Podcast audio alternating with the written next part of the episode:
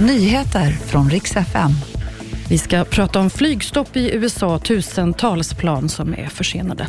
Ljusare siffror gäller för elpriserna. De fortsätter neråt.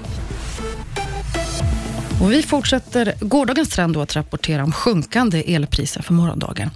I tre av fyra områden så sjunker enligt elbörsen Nordpol. Det gäller framförallt de två i norra Sverige där spotpriset landar på 60 öre kilowattimmen och längst ner i söder där det landar på 66 öre.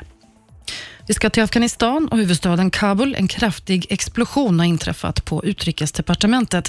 Det här rapporterar flera lokala medier. Flera personer ska också uppges vara skadade. Och vidare till USA där det är flygstopp. Alla plan blev kvar på marken idag efter det omfattande datorhaveri. Nu efter lunch så har vissa funktioner kommit igång igen, men över tusen avgångar är fortfarande försenade.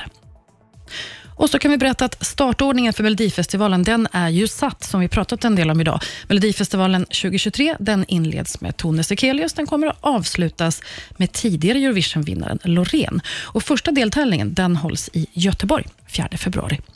Det var nyheterna. Jag heter Maria Granström.